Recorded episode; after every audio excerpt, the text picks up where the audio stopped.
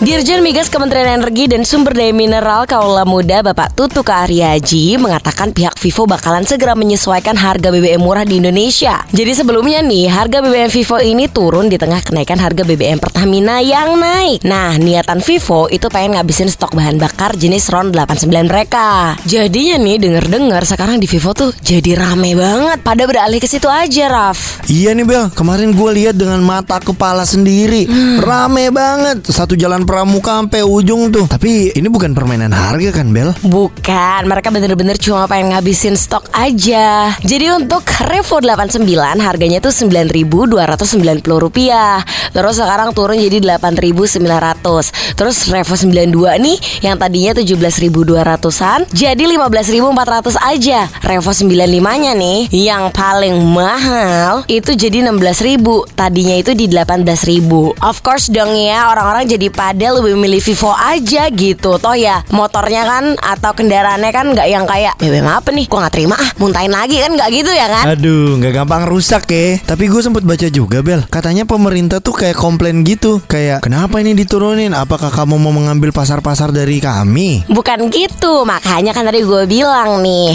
Dirjen Migas dari Kementerian ESDM itu udah ngomong sama pihaknya Vivo Dan udah mastiin ya udah ini memang sesaat aja gitu loh Tapi nanti mereka bakal balik lagi menyesuaikan dengan kondisi saat ini Jadi harganya juga ya akan bersaing lah kurang lebih Ya udah mulai besok gue bawa jerkin aja deh. Ntar gue beli banyak-banyak nanti gue jual harga normal. Jangan dong, jadi pengepul dong lo Eh dosa nih pak nih, pak polisi nih nih Rafli Fawas nih Bapak tahu bercanda kan? Iya, saya bercanda dong.